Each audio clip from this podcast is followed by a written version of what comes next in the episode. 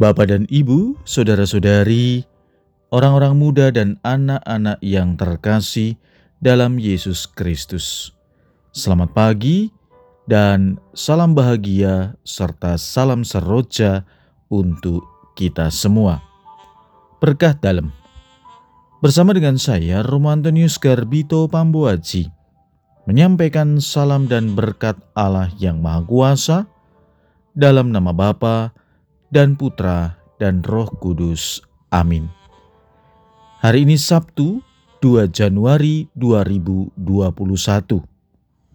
Hari biasa masa Natal, Sabtu pertama dalam bulan, devosi mendoakan para imam dan calon imam.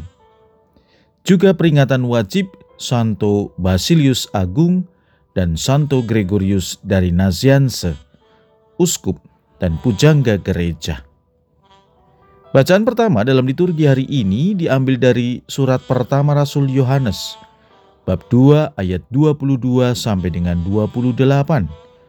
Bacaan Injil diambil dari Injil Yohanes bab 1 ayat 19 sampai dengan 28.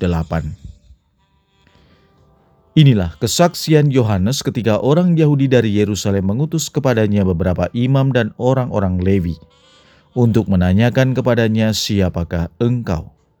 Yohanes mengaku dan tidak berdusta, katanya, "Aku bukan Mesias."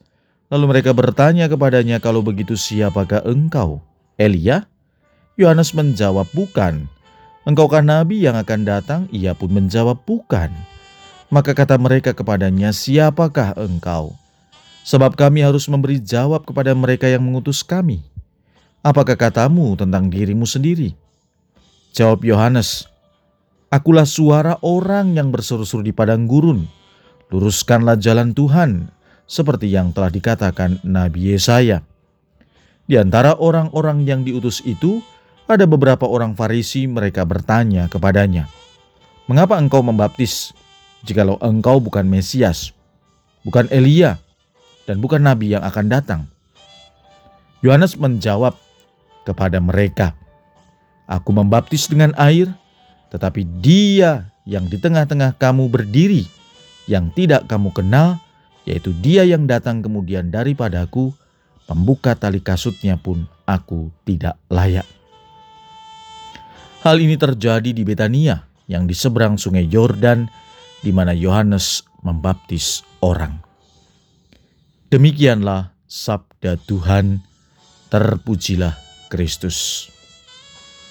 Saudara-saudari yang terkasih, kisah yang baru saja kita dengar kembali menampilkan Yohanes Pembaptis yang memberikan kesaksian tentang dirinya sendiri.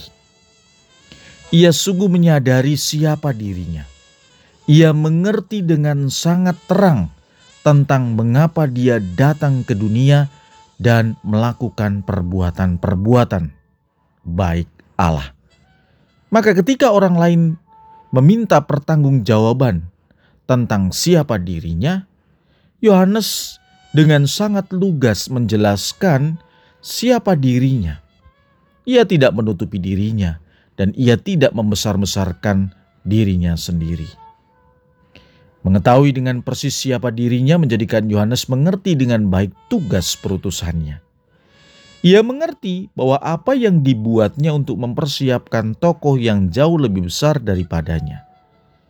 Bisa saja dia menjawab "ya" ketika ditanya apakah ia Mesias, namun itu tidak dilakukannya.